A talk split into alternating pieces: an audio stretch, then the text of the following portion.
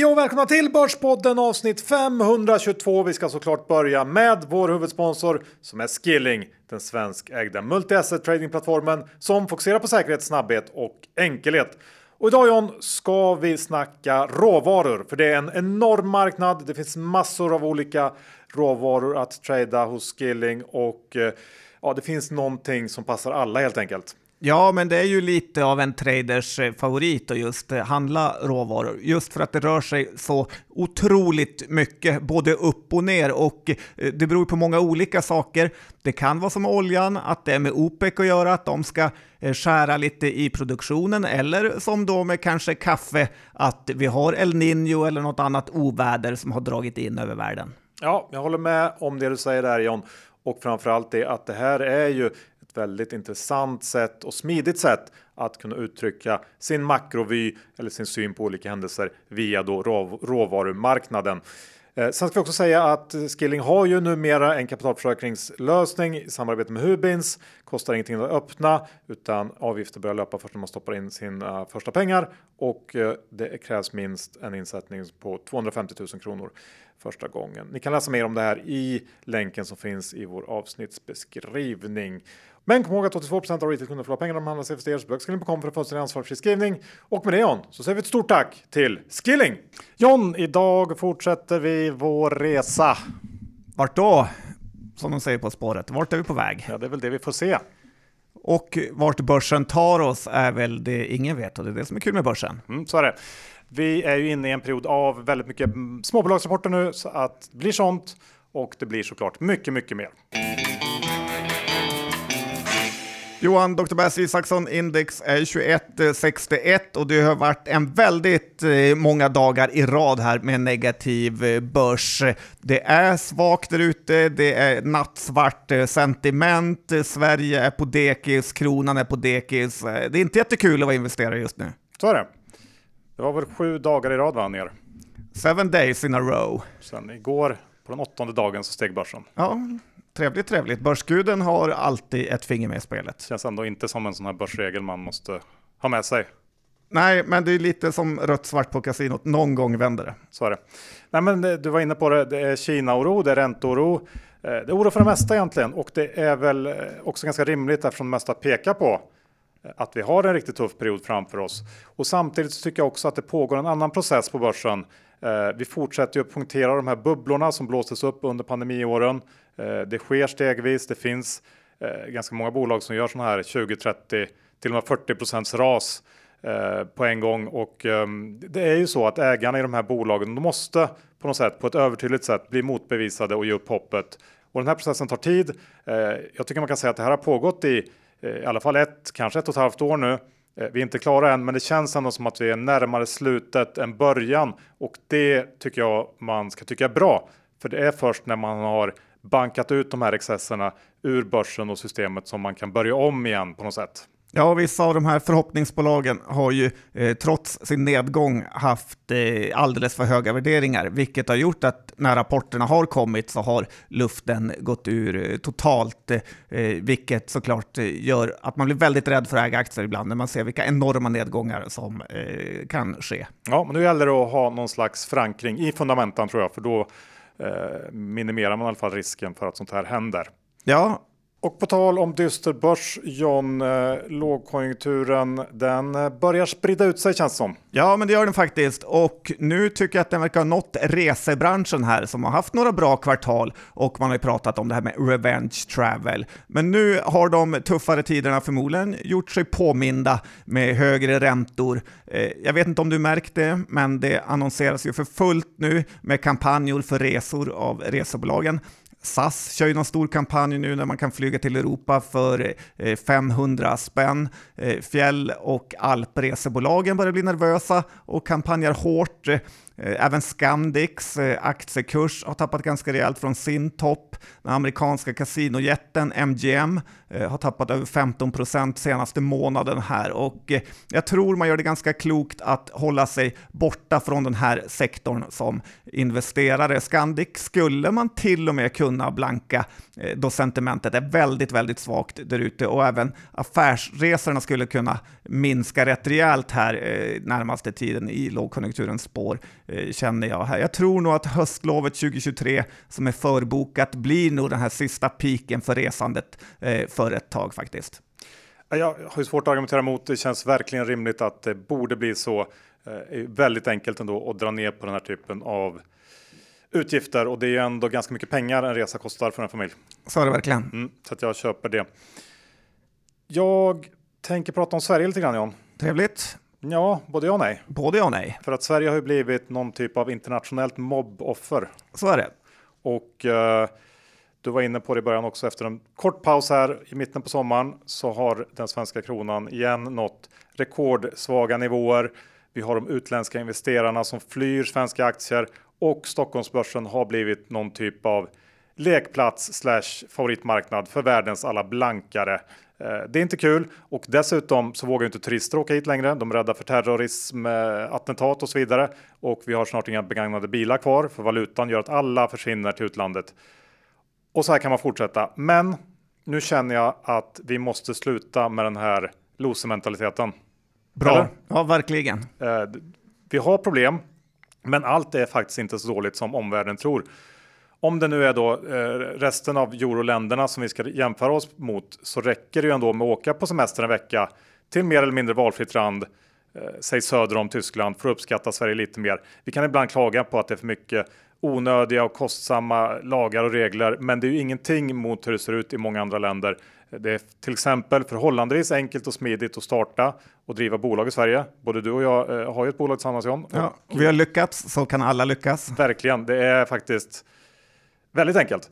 Eh, digitaliseringsmässigt så ligger vi ju hästlängder före resten av Europa. Vi har massor av världs världsledande bolag eh, och man ska inte heller glömma bort att vi var de enda i världen som faktiskt gjorde rätt under pandemin genom att inte stänga ner precis allt. Sen är vi trots allt välutbildade. Största delen av året så är vädret så kast att det enda vettiga som finns att göra det är ju att arbeta.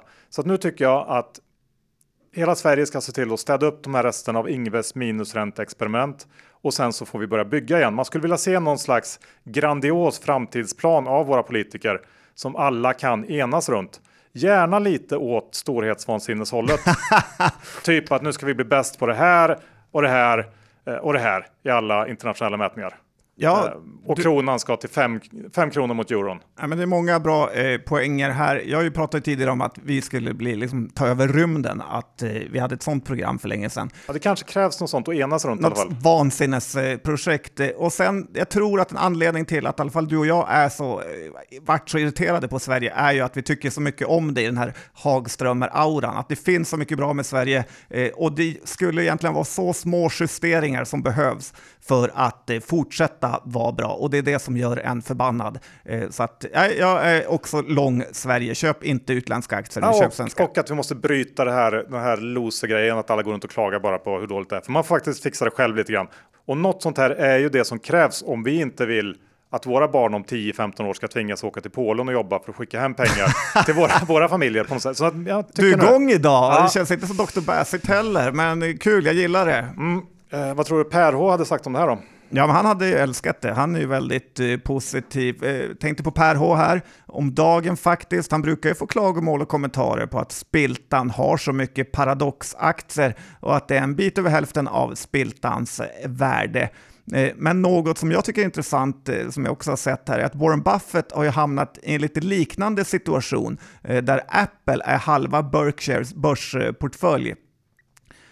Berkshire har ungefär 150 miljarder dollar i Apple och en börsportfölj på omkring 300 miljarder. Eh, sen har ju Berkshire massa onoterat i sin försäkringsverksamhet och järnvägsföretag och massa annat plus en enorm kassa. Men ungefär 20 procent, eh, till och med lite över, av hela Warrens bygge består av Apple-aktier. Eh, så att, och räknar man då bort cashen så består den av mycket större del än så. Så att jag tycker tycker man ska komma ihåg att proffsen är inte rädda för att ha en koncentrerad portfölj. Nej, men uh, det kanske ändå inte är att rekommendera eller? Om du väljer rätt aktier är det. Jag vet en kille som valde Firefly Johan. det här kommer bli en rätt jobbig dag känner jag. Det kommer det. Firefly. Mm. Firefly-mannen. Firefly-mannen ja, kanske. Eh, Friidrotts-VM då? Det är, på, är det slut eller pågår det fortfarande? Det pågår. Ja. Jag just tänkte fråga om du följer det. Känns inte riktigt som du gör det om du ställer jag kollar liksom de stora highlightsen, typ kollar- diskuskastet. Eh, Sportspegeln. Exakt. Eh, nej, men det går ju bra för Sverige här, ganska kul. Och, eh, eh, men en sak jag tänkt på är ju VMs huvudsponsor. Har du lagt märke till eh, Absolut den? inte. TDK. Eh, vad tänker du på när jag säger TDK? Ingenting. Då är du blank eh, som vanligt. Nej, men jag tänker främst på hur de sponsrade Crystal Palace på gamla ja, precis, goda. Gammal sån här eh, Och- elektronik. Ja, eh, precis. Mm. Kassettband, videoband och deras stereos eh, som man hade då. Eh, men jag tänker att det är lite tråkigt att ingen av våra stora, två stora nätmäklare faktiskt erbjuder handel i japanska aktier. Eh, TDK är ju börsnoterat. Eh, jag tycker inte att det vore mer än rätt att svenskar gavs tillgång till den här fantastiska marknaden. Japanska börsen är faktiskt upp 22 procent i år. Det ser man. Och det har vi missat. Du har missat det. Du då? Jag berättade just för dig. Ja, men har du varit med på den resan? Nej, den resan har inte varit med på. Nej, eh, vi går tillbaka till Sverige istället John, för att det glädjer mig att det har blossat upp en debatt här sista veckan. Om vad? Det vet jag inte. Ja, men någonting som vi har eh, pratat om i herrans massa år. Oj, Den här luckan i regelverket som insynspersoner i sent rapporterande bolag kan utnyttja. Ja, att man kan handla eh, efter att kvartalet är slut. Ja, precis. Eh, Man får inte handla under en period på 30 dagar innan rapporten, men då om man rapporterar sent så kan man ju ändå göra affärer långt, långt efter att kvartalet har tagit slut eh, med då facit i hand. Eh, Så det här är ju bra att uppmärksammas. Man kan väl bara sätta en tidsgräns tycker jag på 30 dagar från att kvartalet tagit slut. Det hade varit enkelt. Ja, som absoluta max. Ja, En del bolag... eh, men i alla fall som man kan handla i oavsett när man rapporterar. Förstår du vad jag menar? Så att om kvartalet tog slut nu då 30 juni. Jo, men vissa bolag rapporterar ju innan 30 dagar eh, efter kvartalet tog slut. Ja, Mm. det är bra. Det är ännu Ja. bättre. Ja, Men som en maxgräns. ja maxgräns. Ja. Eh, så att, eh, det- och så här generellt också kan jag tycka att en del motargument är ju att det är jättejobbigt för alla insynspersoner som vill kunna handla. Som vill kunna insiderhandla. Men Det jag, kanske ska vara det. ja, och jag ser inte att det kan vara ett jätteproblem. Eh, För om man är vd eller liknande så kan ju inte prio ett vara att kunna trada runt i sin egen aktie. Utan då får man väl äga aktier långsiktigt och sen får det vara ganska bra med det, tycker jag. Det, Ja. ja. Så är det. Och en sista grej kring det här är ju också att det visar på eh, att den här, en av våra eh, absoluta grundregler ligger på topp 10-listan. Topp 10. Att man, eh, bolag som rapporterar sent är dåliga bolag oftast. Stämmer Mm, bra. Stämmer inte alltid Johan. Nej, men, Det var ett litet bolag som håller på med eld som rapporterar väldigt sent och kom ett monster. ja, men man brukar Stämmer säga att, att det finns undantag som bekräftar regeln. Det brukar man säga. Ja, Så är det. så var det med det. Men du hatar börsen nu. Ja, det gör väl alla här faktiskt. Och eh, om börsen vill sluta bli så hatad av alla så finns det ganska så mycket de kan jobba med. Men en sak... Tänker du Nasdaq nu eller? Ja, Nasdaq. Och en, Företaget. företaget Nasdaq. Men en sak som är så ofattbart irriterande det är att man har handel i halva ören i bland annat Embracer. Ehm, det finns inte ens något som heter halva ören kan jag meddela. Ehm, ändå kan man trada i det. Ehm, inte ens på Gustav Vasas tid fanns det halva öron, men ändå har Nasdaq uppfunnit det för att gynna robot och algohandlarna. Det sjuka är att Riksbanken har ju tagit bort ören totalt. En vanlig småsparare kan knappt lägga en order utan att bli frontad åt alla olika håll hela tiden. Att handla ettöringar var ju för mig att passera gränslandet eh, rejält i meningslöshet. Men nu när man kan handla i mindre än ettöringar så börjar det kännas kriminellt och jag är rätt nära att faktiskt anmäla Nasdaq för marknadsmanipulation Johan. Ja, men slår man upp girighet på Wikipedia, då dyker ju Nasdaq upp. Det gör det. Det är helt ofattbart hur girig man kan vara. Ja, halva ören, man har gått över gränsen, man har passerat den, man har pissat på gränsen. Det är dags att sluta nu och det är dags att Finansinspektionen säger till dem, ni kan inte hålla på så här. Nej. Följer algobolagens minsta lilla eh, önskan. Ja, precis. Oavsett hur sjuk önskan är. Ja, vad kommer efter? Vad finns det mindre än halva ören? Ja, det finns inte. Nej. Det är lite som så här när man sträng i teorin i forskning. Vad är mindre än atomer? Mm. Kanske. Inte. Och vi går vidare till stormen Hans. Ja, Namne med din lillebror. Ja, min yngsta, min okända. Eh, så här är, är det ju. som bröderna Schulman. eh, det finns en, en okänd. Mycket sämre. Nej, men det är så här att... Är du Kalle eller är du Alex? jag vill vara Alex, men jag kanske är Kalle tyvärr. Det är lite tragik i det hela. Nej, men så här, stormen Hans har ju förstört hur mycket som helst i Norrland. Vägar, det har blåst ner sjuka mängder skog och eh, jag tänker återigen på hur skönt det är att äga aktier jämfört med att äga riktiga tillgångar. Eh, om jag nu hade haft en bit mark i Norrland. Eh, för det där... har ju gudarna ska veta att du varit sugen. Ja, men jag har varit småsugen för att vara så här markägare. Där har ju väldigt mycket skog blåst ner och då hade ju jag varit tvungen att rodda med det här i säkert flera veckor. Gå runt med röjsågen. Ta din värdelösa Tesla upp till Norrland. Ja, det är inte så värdelös. Varför sa du så? Det var jättetaskigt. Eh, så här. Men det är väl ingen bra skogsarbetarbil ändå? Nej, den är inte så bra som skogsmaskin där. Nej, men, och jag hade ju behövt hålla på med försäkringsbolag, röjningsbolag, gå ner där på eh, kalhyggen och rycka i träden och innan de ruttnar och så vidare. Gummistövlar. ja, istället så kan man bara ha lite... Revolution race Jättemycket saker i fickorna. Eh, knivar och ter så här uppfällbar ter eh, ska, vad heter det? kåsa ja. som är nedtryckt och sen fäller man upp den och dricker sitt kaffe. Nej, men det är otroligt skönt med aktier. Man kan äga lite SCA, man kan kan ha lite Holmen. Man slipper allt det här jobbet. Så är det. Så är det. Och innan vi avslutar första delen John, vi sa ju förra veckan, vi ska till Sydkorea, Seoul och vi har fått eh, väldigt många bra tips om vad vi kan göra och eh, hitta på där. Fortsätt att skicka in dem, framförallt då om man har tips på personer att intervjua och Kim Jong-Un har vi redan fått väldigt många tips på så det kan man ju skippa. Ja, han vill inte. Nej, men eh, i övrigt om man har bra tips. Och vill, no och vill någon dricka öl med oss där kan man också ja. hojta. Vår mejl, börspodden gmail.com.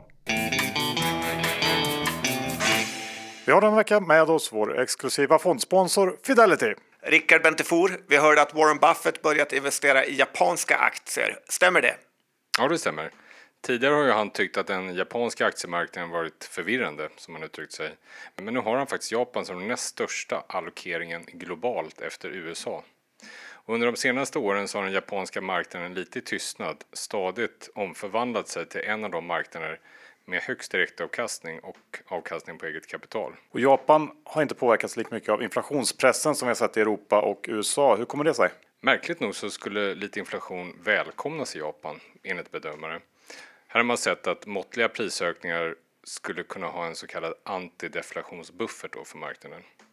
Företagen börjar nu höja lönerna sakta och det här hoppas politikerna kommer kunna leda till att eventuellt konsumtionen då stimuleras. Och fortsätter den här trenden så kommer förmodligen inte Warren Buffett vara den enda som ökar allokeringen till Japan.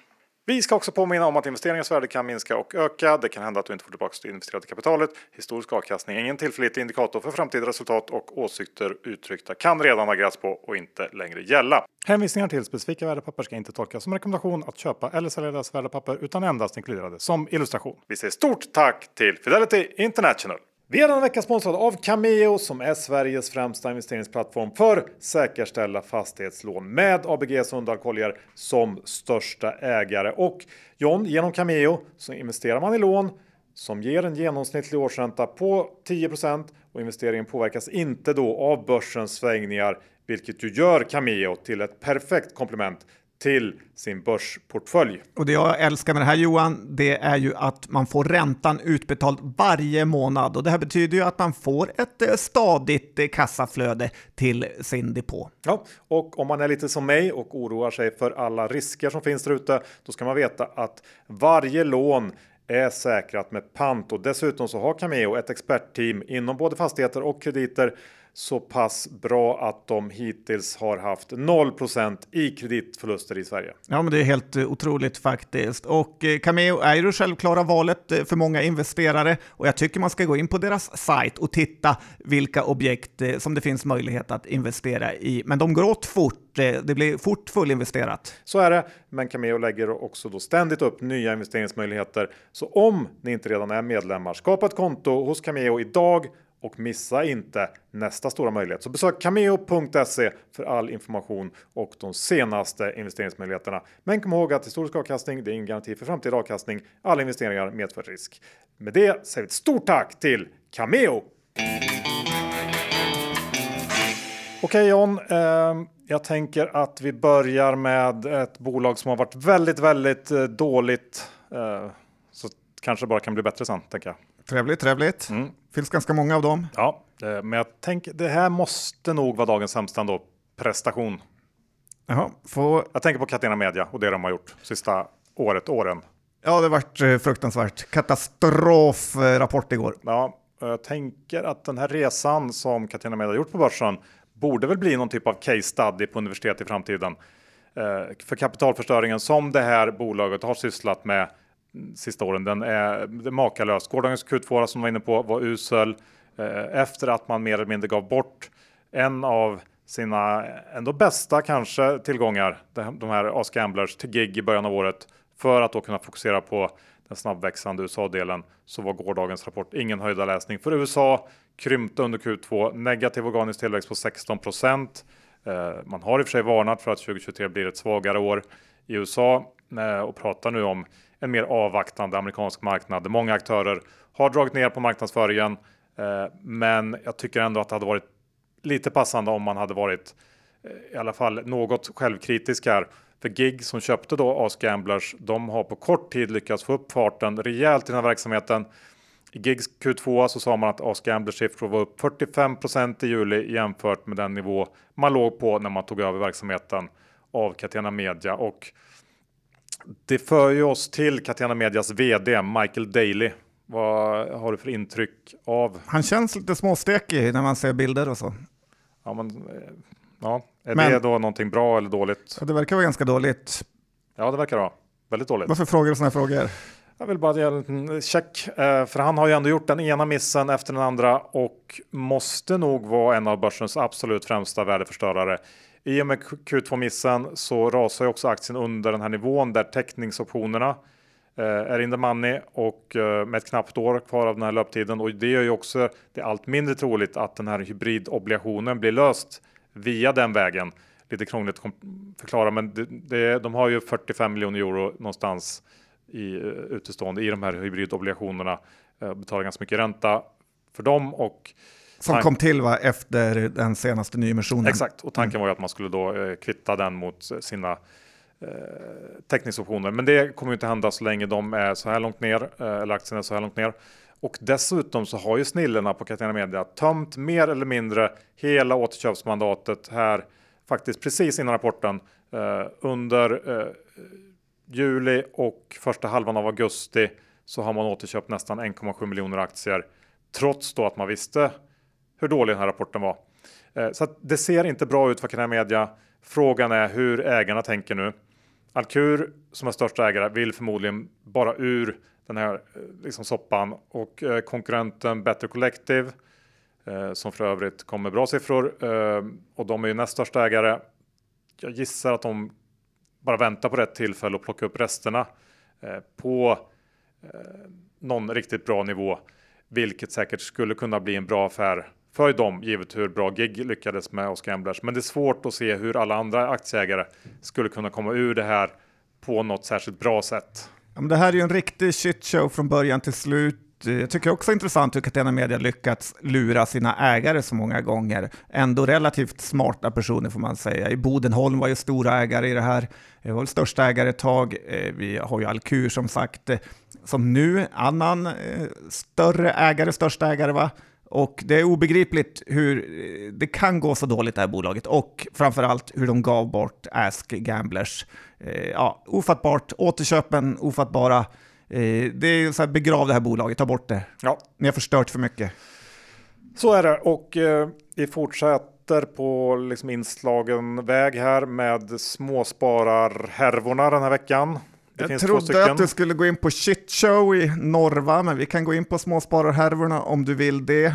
Intellego eller Oncosench, du får välja. Picken, Eh, ja, men jag ska intresserad. Jag, gun to your head Johan, du måste välja båda, men du får välja en först. jag har ju inte hängt med jättenoggrant i någon av de här härvorna. Eh, så jag tycker bägge känns spännande. Men vi kan väl börja med den här Onko Konko. Ja, men det är väl lite så här P3 dokumentärläge mer än att jag ska sammanfatta det på 30 sekunder. Men eh, jag gillar ju att koka ner saker och eh, måste väl ändå säga några ord om den här soppan. även fast man inte ska lägga ner för mycket tid på bolag som är värt eh, 28 miljoner kronor. Men lite kul är det, eh, för att det är någon typ av hel till halvgalen med tilt åt helgalen Twitterprofil som heter Niklas Holmgren som har över börsen lyckats köpa så mycket aktier eh, så att han nu är största ägare till OncoSench. Eh, och där har han verkligen gjort kaos. Eh, på bolagsstämman här så avgick alla förutom han själv då tryggt, eller hur? Och har ja. en Twitter-profil som är ganska svajig eh, som största ägare. Och OncoSench är ju från de som kan sin börshistoria från början av avknoppning, från Moberg Pharma och eh, det är därför Mobergs vd Anna Ljung var ordförande i det här eh, bolaget. Ingen direkt stjärnglimmer kring henne får man väl säga. Ingen rainmaker eh, är Anna Ljung. Eh, så att om vi tittar på Oncosench då, så var ju grejen att för någon månad sedan fick de lägga ner sitt enda preparat, Bupisench. Gillar du namnet? Ja, faktiskt. det vill man ju ta. Bup, ja, men det är bra. Ja, det är bra. Och nu efter det så tyckte väl börsen att det här bolaget i princip är helt värdelöst. Eh, de flesta tyckte det förutom Niklas Holmgren. Eh, de andra ville bara lägga ner det här bolaget, likvidera det. Eh, det som är det lite, så, det kallade, så kallade utropstecknet här får man säga att Link med Bengt Julander är med i Oncosench och de röstade faktiskt med Onkosench-mannen som han också kallas, eh, eh, vilket antingen beror då på att man har noll koll eh, eller att man eh, eh, om, på den positiva sidan vill använda den här börsplatsen till att apportera in av eh, något av sina egna bolag från Link-portföljen eh, här. Eh, men ändå sagt, eh, tycker att det verkar vara lite oroväckande dåligt omdöme att rösta med eh, troll som Niklas Holmgren ändå är. Eh, det här är ju mer underhållning än börs just nu och jag skulle aldrig någonsin satsa en krona på den här Niklas Holmgren så jag hoppas ingen annan heller gör det. Eh, vi får se vad det blir av det. Ja, kul att följa honom. Och eh, nummer två då? Nummer två är ju Intellego då, eh, som var en annan stor nyhet här, var väl i fredags, eh, stormat kring det här bolaget, UV-strålningsbolag, eh, som har hamnat i någon typ av konflikt med Dagens Industri, Eh, som hade en stor artikel som handlade om oklarheter kring eh, en av deras ordrar Eh, I grund och botten så kan man väl säga att DI anklagade Intellego för att hitta på ordrar och att de då skulle vara ett bluffbolag, fast man lindar in det lite i så här eh, fina eh, journalistikord.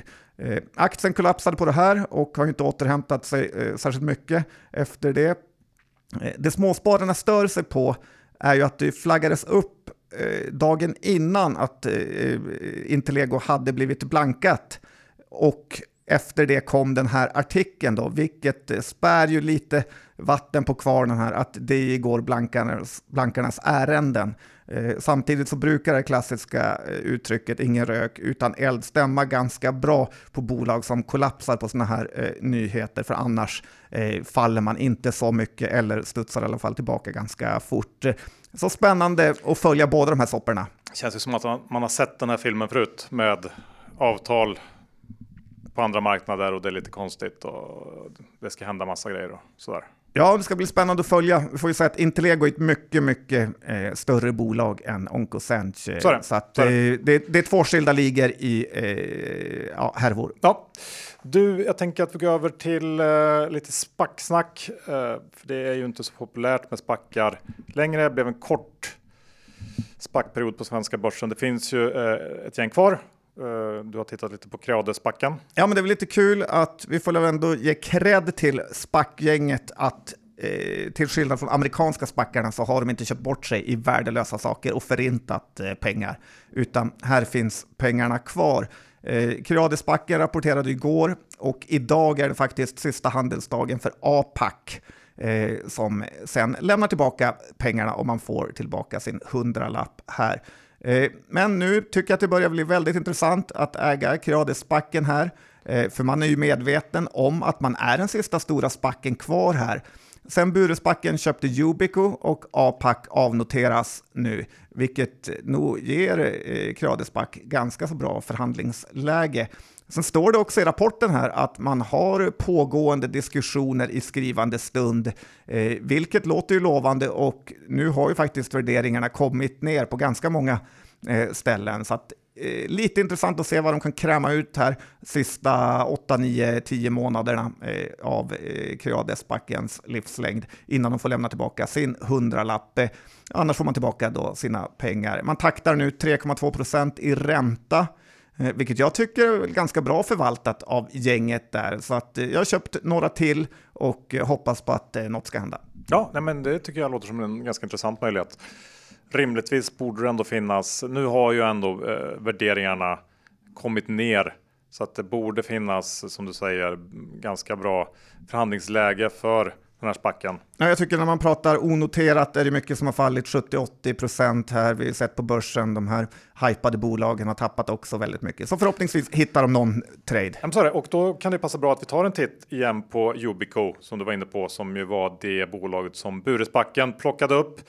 Eh, Med Stina Ehrensvärd, mösskvinnan. Som har varit i podden såklart. Det har varit. Eh, den här aktien har ju varit väldigt död sedan eh, den här affären annonserades.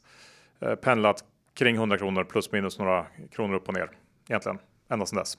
Och en del förklaring kan ju vara att affären inte är helt klar, eh, men om allt går som det ska så kommer den riktiga Yubico-aktien att börja handlas 20 september och deras Q3 blir ju därmed eh, Yubicos första riktiga rapport på börsen. Och en, en, annan, kanske lite viktigare förklaring är ju att Yubicos orderingång minska på nästan 14 procent under första halvåret, vilket bolaget menar beror på en ovanligt stor order under Q2 eh, förra året och en eh, lite mer generellt svag investeringsvilja från amerikanska techbolag här under början av 2023 och jag kan köpa eh, de här förklaringarna. Eh, man ska ändå med sig att bolaget under det här mellanåret som vi får kalla 2023 ändå bör kunna växa omsättningen med runt 20 och att Yubico befinner sig på en marknad med långsiktig strukturell medvind, vilket vi brukar prata om är en bra ingrediens för eh, en lyckad aktieinvestering. Så att det gillar jag och Yubico jobbar också på att växa andelen återkommande intäkter genom det här prenumerationserbjudandet. Eh, nu är man uppe i nästan 14% av omsättningen, låg på 9 eh, lite knappt för ett år sedan och lönsamhetsmässigt så låg eh, Yubico på Eh, 20 i ebit-marginal under första halvåret, eh, vilket jag tycker är bra och det är också bolagets finansiella mål. Eh, men givet skalbarheten i den här affären så tycker jag ju att det borde vara möjligt att nå betydligt högre än så om några år. Så att om Yubico kan komma i närheten av målsättningen och växa orderingången med 25% i genomsnitt per år och om man som jag tror då Ehm, att lönsamhetsmålet är för lågt satt, då eh, tycker jag att den här aktien är intressant. Multiplarna kommer att komma ner snabbt och eh, det borde ändå vara ett ganska bra läge för den som är lite långsiktig här. Jag har köpt lite aktier kring 100 kronor eh, för att se lite grann hur det här utvecklar sig kommande kvartal. Jag, jag tycker att det känns som en, en, ett spännande bolag. Finns inte så många alternativ på, på svenska börsen heller.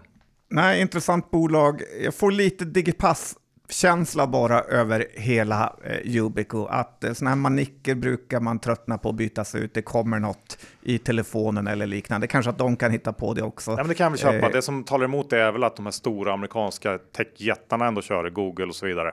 Eh, om någon ändå ligger i framkant så är det väl de. Så att, men visst, teknikutvecklingen går ju snabbt eh, inom sådana här områden så att det kan ju hända någonting som och, gör det här eh, lite förlegat. Och det är inte så att John Skogman från Umeå är den största eh, teknikexperten heller. Det... Men jag fick en Digipass-känsla och ibland ska man gå på magkänslan.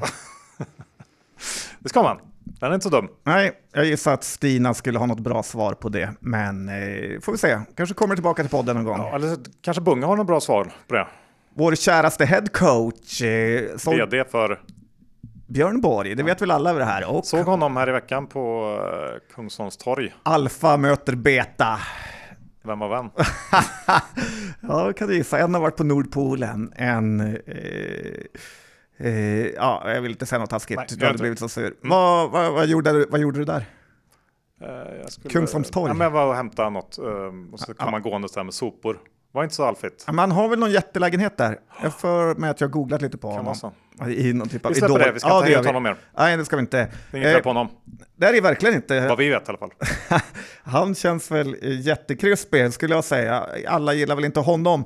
Men eh, var rapport, läste du rapporten?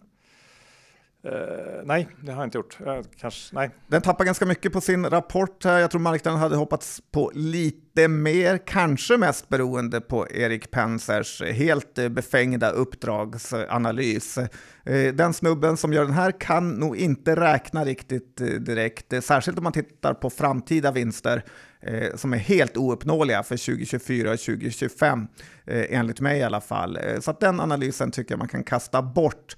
Eh, men som sagt, i övrigt så levererar Borg med att man ökar sin försäljning av sportkollektionen, vilket inte är så konstigt, för jag tycker man ser det här Borg-märket överallt. Man ökar i andra länder, man gör det bra ifrån sig i sin e-handel, eh, vilket man gillar. Eh, dock till P15 så att man blir här, varken köp eller säljsugen riktigt här. Eh, bolaget är skuldfritt, eh, så att många positiva grejer, men man skulle ändå vilja ha den här extra kicken för att få igång tillväxten på riktigt. Eh, eh och det kan också bli tufft här om man tittar på till exempel New Wave, RVRC, Fjällräven.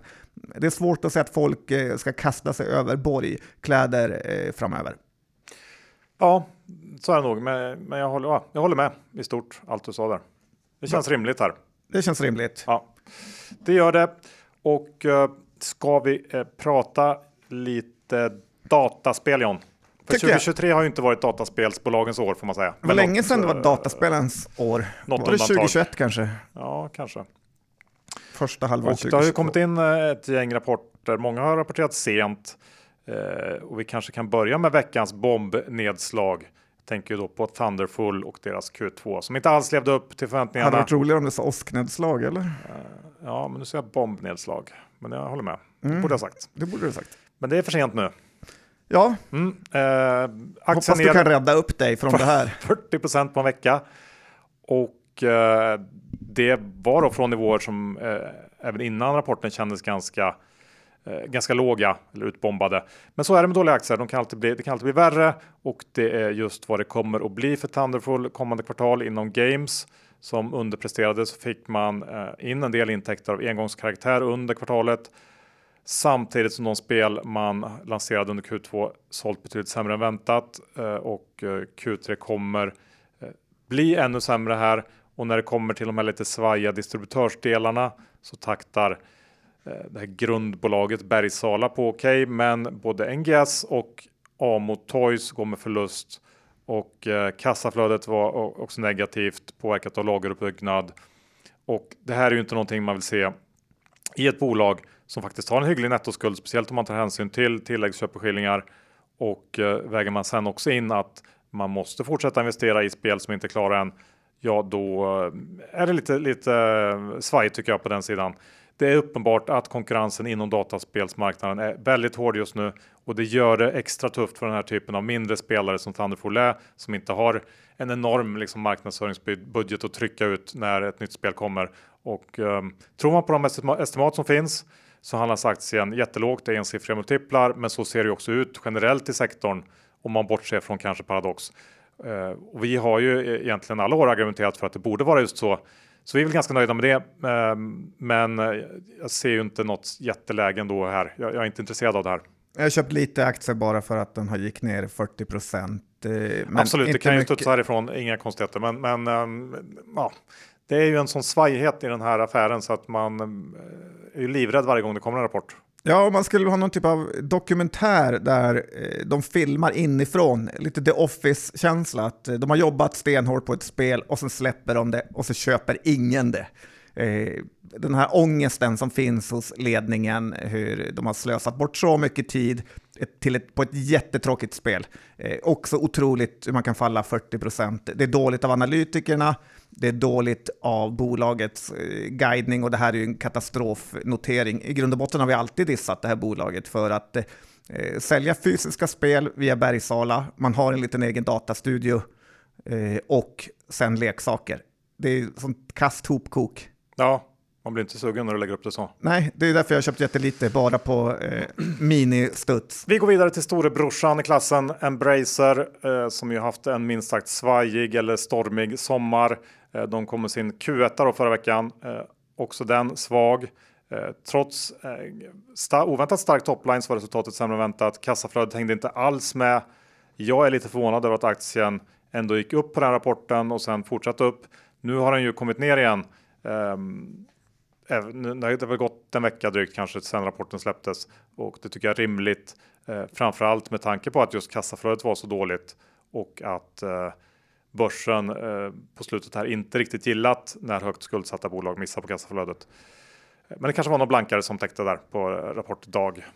Ja, det här är ju ett sånt eh, krångligt bygge. Det känns som ingen riktigt vet eh, vart det är på väg eh, faktiskt. Så att, äh, svårt att säga något. Ja, och även om den här rapporten inte var katastrof så tycker jag inte heller det finns några tydliga tecken på att trenden har vänt ordentligt. Det finns ändå många intressanta och kanske framförallt mer överblickbara case på börsen just nu än Embracer. Så jag tycker inte man behöver göra det så svårt för sig eh, som man gör om man köper Embracer. Nej, jag håller helt med. Det är för svårt och är, man förstår det inte. Nej. Bolagsbygget. Och sist ut så har vi ju då EG7 som vi faktiskt har pratat om tidigare i år. Ja, My här... Singing Monsters-bolaget. Och EG7-mannen, många mannen där ute, men mm. eh, inte heller så bra rapport. Eh, nej, alltså den här var väl lite Eh, Låter som du äger aktier när du säger sådana saker. Nej, det gör jag inte, men eh, de fick ju då, för lite, lite bakgrundsstory bara, så fick de ju då en enorm hit eh, här i vintras var det väl med det här spelet My Singing Monsters och man fortsätter ju rida på den vågen. Eh, det här var väl överlag en rapport som typ i alla fall infriar förväntningarna eh, som jag har sett drivet av bättre utveckling än väntat från just det här monsterspelet medan då den här servicedelen kom in lite svagare än väntat. Eh, bolaget säger att det beror på timingeffekter och att eh, andra halvåret ska bli starkare. Och eh, prognosen som de har satt för helåret den upprepades. Så att, eh, ingen jättedramatik tycker jag egentligen. Eh, på det hela taget så ser ju det här också väldigt billigt ut, kanske billigast av alla de här. Och EG7 sitter ju dessutom på nettokassa till skillnad från de andra två vi har pratat om idag. Det finns dock några men och eh, det första är väl förtroendet för ledning och styrelse. Eh, många har jag sett har reagerat på att vdn har en orimligt hög lön. Eh, jag har sett att det skrivits om en del på Twitter och det sker lite olika halvmysko-transaktioner mellan EG7 och bolag som har kopplingar då till vd och styrelseordförande. Jag vet att vi tog upp det här gängets kärlek till pengar och att den kärleken inte var liten förra gången vi snackade om EG7. Det är ju en bra grej så länge man sitter i samma båt, men den mindre bra om de delvis sitter i en annan båt. Så det här är väl en, en, grej man ska fundera lite kring när det gäller EG7. Det har inte heller gjort några insynsköp av ledningen. De köpte ju väldigt mycket aktier efter var det Q4 uh, när den brakade ner så köpte de för väldigt mycket pengar. Men då brakade den ner från en väldigt hög nivå. Ja, så att nu är det ju ändå de back på dem. betydligt billigare. Så att om man tyckte de var intressant då så kanske man, ja, det hade man kanske velat se och sista tanken jag har där också är ju att intäkterna från det här sjungande monsterspelet ofrånkomligen kommer ju fortsätta att minska och då vill man nog gärna känna en större trygghet i att den här servicedelen eh, verkligen kan leverera den här stabila utvecklingen som ledningen sålt in att den ska kunna göra. Eh, men hur som helst, de har en service för. Ja, men de, det är mer vet, eh, work for hire. De, de liksom konsultar egentligen.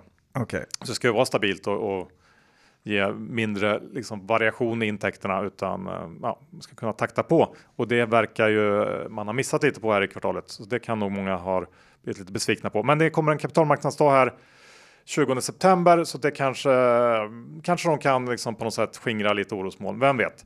Måste jag köpa något av de här tre bolagen så blir det ändå EG7 för att jag tycker att det är, och det är ju bara på då värderings och balansräkningsgrunder. Trots att du bara delvis sitter i samma båt. Kanske, jag vet, jag vet, inte om det är så. Jag bara säger att det känns lite så. Du vet så. inte vilken båt den sitter i. Nej, och det är väl det. Det är ju inte en bra känsla. Nej, man vill inte sitta själv i båten. Nej. Se de andra ha motorbåt. Norva 24 John, har du kollat på? Det är sånt som du gillar. Det är det, bajsbolag får man väl ändå säga. Och eh, det här har varit ett av Börspoddens favoritblankningscase. Sen det började, norskt förvärvsbolag och nu fortsätter det att eh, underprestera. Jag såg att alla analytiker idag toksänkte sina riktkurser eh, och alla har ju haft fel här, förutom en liten podd. Det verkar som att man har tagit upp sina lån i euro och har intjäningen i SEK och NOK, vilket inte är en suverän idé nu för tiden. Så att nettoskulden har ju ökat med 300 miljoner bara detta kvartal. Det är inte direkt det man vill se. Där har man ju några som är, skulle direkt hänga på min nya målsättning där om 5 kronor mot euron. Ja, det tror jag. Make Sweden great again. är väl så här, om man tjänar 67 miljoner i ebit på eh, ett kvartal så vill man inte se att nettoskulden ökar med 300 miljoner. Det är mycket elda för krockorna då. Ja. Eh, så att såklart kan det här vända. Eh, och då skulle det vara positivt, men det känns ju ganska långt ifrån det eh, just nu i alla fall, att Noken och Seken ska vara framtidens eh, vinnarvalutor. Sen leasar ju Norva väldigt mycket fordon för sin verksamhet och det tänker jag också kommer bli mycket dyrare framöver i och med att räntorna går upp. Plus då att man har en rejäl nettoskuld utöver den här leasingen. Så att det finns inte jättemycket att vara förtjust i Norva 24. Dessutom är hela managementet utbytt nyligen, så eh, spär på lite osäkerhet. Man vill ju inte ta över en, en gammal Norva-bil. Det vill man inte. Nej. Det den har varit med om ska ingen behöva vara med om. Nej. Du, du får 15 sekunder om Firefly, för mer klarar inte jag av. Ja, det kan jag förstå. Det har väl varit lite av din värsta dag på det länge. Det, ja. ja. Är det din livs sämsta dag? Nej, det är Topp. inte. Nej, men jag, jag är ju glad för din skull. Ja. Det är det ju verkligen. Ja. Det märkte jag direkt när du kom in. Klackarna i taket. Nej, men det var en monster, monsterrapport det här Johan. Och, eh, det kan det vi... varit så att det trillade in lite på rätt sida av kvartalet som brukar? Det stolpe in istället för stolpe ut? Nej, jag tror att det vet man inte var rättvist det här. Nej, men det visar ju sig, hur, om vi ska vara lite allvarliga, hur bra du är att äga bolag som inte har förvärvat bort sig, eh, som är skuldfria och har eh, starka ägare Johan. Jättestarka ägare. Nej, men jag har ju en stor del av mina pengar här så att jag ska inte håsa det för mycket. Men det är faktiskt en lite härlig och ändå ovanlig känsla när ens bolag ja, men speciellt levererar. under den här tuffa rapportperioden också där det har straffats väldigt hårt Eh, så är det ju extra skönt på något sätt att få in en sån eh, fullträff. Jag satt på ett café här kring Odenplan och var nära eh, harakiri vid åtta, ta, hugga smörkniven i ögat om det var katastrof. Men det var skönt att du slapp det, så att vi får säga grattis till dig. Ja, det är inte bra för en sniper att vara blind. Nej, det är det inte. Slut på avsnitt 522. Vi ska tacka vår huvudsponsor som är Skilling, den svenskägda multi-asset som fokuserar på säkerhet, snabbhet och enkelhet. Öppna ett konto om ni inte redan gjort det. Bara att surfa in på hemsidan eller ladda ner appen och med ett bank-id så är man igång snabbt. Ja, det är man och jag tycker alla borde öppna konto där. Ja, men kom ihåg att 82% av retailkunder förlorar pengarna mellan CFD och bögskrivning.com för fullständig ansvarsfri skrivning. Och John, när det kommer till våra egna innehav. Jag har ju då köpt lite Yubico slash Buresbacken som det fortfarande heter. Hoppas på eh, att det inte blir den nya digipassen. Ja, det gör jag ju. På Stina. Hoppas på Stina, Ehrensvärd. Ja, jag har andra sidan Kradesbacken. Och sen har jag Firefly, eh, lite, lite Björn Borg och faktiskt åskmolnsbolaget eh, Thunderfull där. Eh, även om de kan ryka när som helst. Bra, då tackar vi för det. Vi eh, hörs om en vecka igen. Ha det fint. Hej då! Det gör vi. Ha det bra. Hej då!